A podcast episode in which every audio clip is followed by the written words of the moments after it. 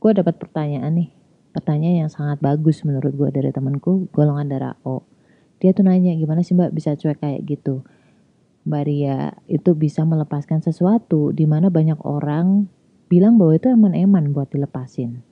Gue habis resign dari pekerjaan gue selama kurang lebih 7 bulan ini sebagai sales engineer di perusahaan kelas dunia multinasional dari Swedia.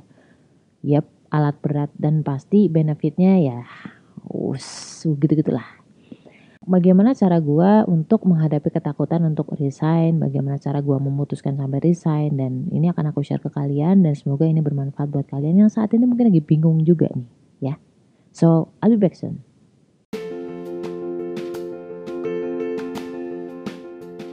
Assalamualaikum warahmatullahi wabarakatuh. Kenalin aku Ria Marliana, teman healing kamu di podcast Self Healing yang akan ngobrol tentang banyak hal berdamai dengan luka melalui psikologi Islam, Quran, dan juga hadis. Dan kadang aku spill juga tentang karakter manusia berdasarkan golongan darah.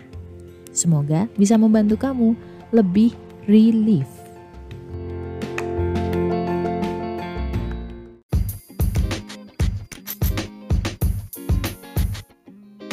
Kenapa sih golongan darah B itu pelupa? Susah banget ingat nama. Cuek, nggak pekaan, nggak perhatian, Bedah itu semua dari buku cerita tentang karakter golongan darah B dengan judul Beauty in a Beast. Order sekarang, link di bio ya.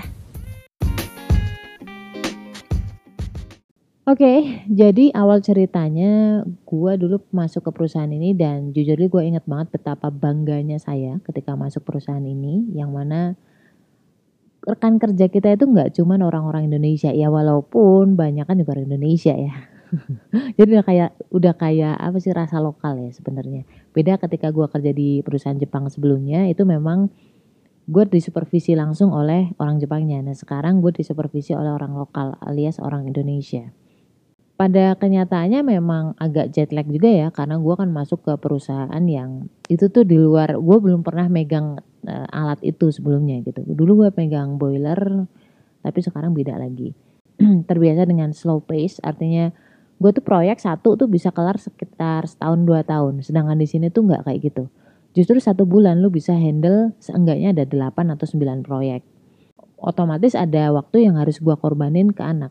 Dan akhirnya gue memilih untuk melanjutkan. Jadi ketika udah burn out mungkin itu trigger gue untuk lebih mendekat ke Allah trigger gue untuk sholat istiqoroh dan lain sebagainya. Jawaban sholat istiqoroh menurut gue tuh nggak instan buat gue selama lu masih ragu, selama lu masih bimbang, selama lu belum mantap di salah satu titik, berarti lu harus tetap istikharah. Itu ya. Jadi poin penting dari istikharah itu bukan artinya lu harus mimpi, lu harus seperti apa, seperti apa enggak. Kalau selama lu masih belum mantap di satu sisi, ya istikharah terus. Jadi gua tuh sampai empat bulanan gua lakuin terus itu istikharahnya. Sampai terakhir gua memutuskan untuk resign. Jadi awal-awal gua istikharah bulan-bulan awal tuh gue mikir gini nggak tahu kenapa tapi feeling gue kayak mikir nanti dulu tunggu dulu gitu. Udah dari jiwa gue udah udah nggak mikirin masalah gaji oh ya masih butuh gaji. Enggak gue nggak mikirin tuh. Waktu itu gue cuma mikir bahwa nanti dulu gitu. Ya kalau misalkan dipaksain resign juga ada lah kalau misalkan uang ada insya Allah. Tapi nggak tahu kenapa kayak nanti dulu tunggu dulu sebentar gitu. Karena belum ada yang mantep nih banyak banyak kejadian ditunjukin sama Allah satu persatu. Mungkin itu hal biasa buat orang lain cuman buat gue tuh itu matter dan itu penting. Akhirnya pada suatu titik oke okay, gue mantep keluar. Nah gue mantep keluarnya ini juga nggak serta merta gue langsung keluar. Ada banyak setan-setan yang bilang bahwa lo udah tua ya? Lo mau keluar lo mau kerja di mana lo? Gitu. Ya kan? Kayak lo nggak sayang lo? Lo udah biasa pakai mobil dikasih mobil. Terus mau lo mau lepasin mobil itu?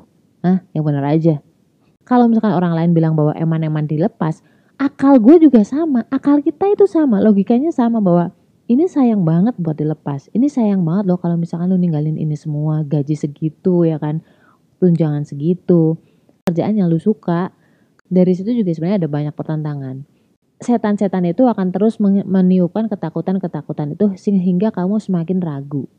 Sebenarnya apa pun pilihan lo, itu akan jadi tantangan sendiri buat kamu. Gak akan ada yang mudah. Lu stay juga sulit maksudnya ada ujiannya lu keluar juga ada ujiannya sekarang tinggal bukan mampu atau nggak mampu urusannya adalah lu mau atau enggak gitu kalau lu mau pastikan dulu yang lo mau itu memang yang Allah mau lu istiqoroh dulu. Coba cari tahu dulu ke jiwa kamu, ke roh kamu, soulnya kamu. Sebenarnya ya Allah apa sih yang engkau mau? Jendela atau pintu untuk berkomunikasi ke Allah itu adalah hati kamu. Hati itu bukan masalah perasaan atau nafsu kamu enggak. Hati itu lebih ke jiwa kamu.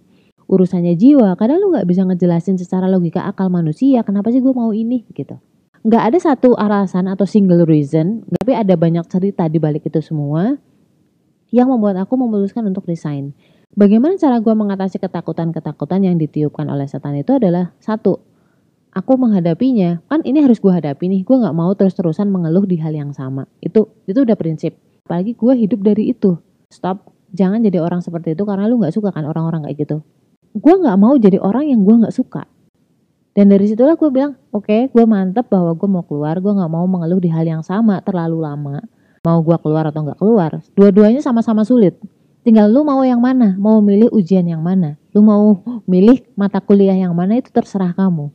Gue udah mantep mau keluar, tapi gue takut nih. Jadi perkaranya adalah gue takut nih, ya kan? Caranya gue untuk uh, menghadapi ketakutan gue sederhana. Hadapilah atau bayangkanlah ketakutan yang jauh lebih besar.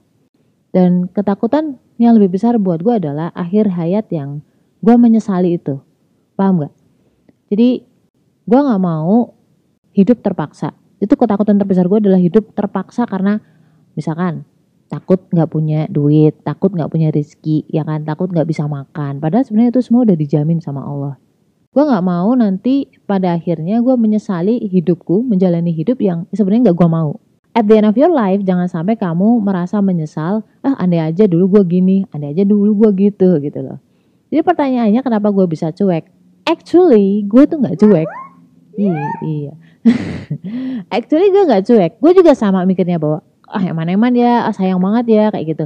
Gue juga bukan orang yang ah nggak nggak apa-apa nanti setelah ini gue juga dapat kerjaan ganti yang baru. Enggak bukan itu motivasi buat gue itu nggak terlalu menggerakkan gue for information. Dan bagi banyak golongan darah B itu seperti itu. Salah banget. Tapi kasihlah ketakutan-ketakutan gitu. Baru nanti dia bergerak.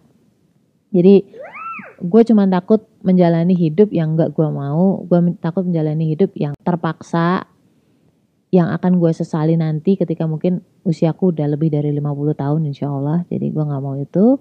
Tapi pastikan bahwa apa yang lo mau itu sesuai dengan yang Allah mau dari istikharah dan kamu nggak perlu maksain bahwa ah, harus keluar sekarang harus nih. Kadang-kadang istikharah itu bisa berlangsung berbulan-bulan seperti dulu gue disuruh untuk nunggu dulu sampai semuanya ditunjukkan dan nggak ada alasan tersisa sampai hilang alasan untuk stay.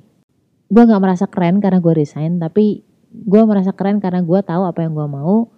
Ketika lo istikharah, insya Allah kamu lebih yakin dan lebih pede bahwa Allah di sana mau sesulit apa pun kalau kamu tahu bahwa Allah bantu itu lebih menenangkan. Dibanding kamu tahu nih kayaknya oke okay, tapi ternyata ngeluh-ngeluh terus kamu merasa sendiri. Itu jauh lebih lebih menyengsarakan sih kalau buat gue lebih menyiksa.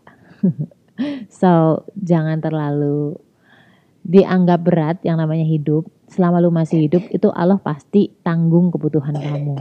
Ya kan? Tinggal lu mau bersyukur atau enggak lu terlalu berangan-angan mau ke luar negeri atau enggak itu Nah itu urusan lain, oke? Okay?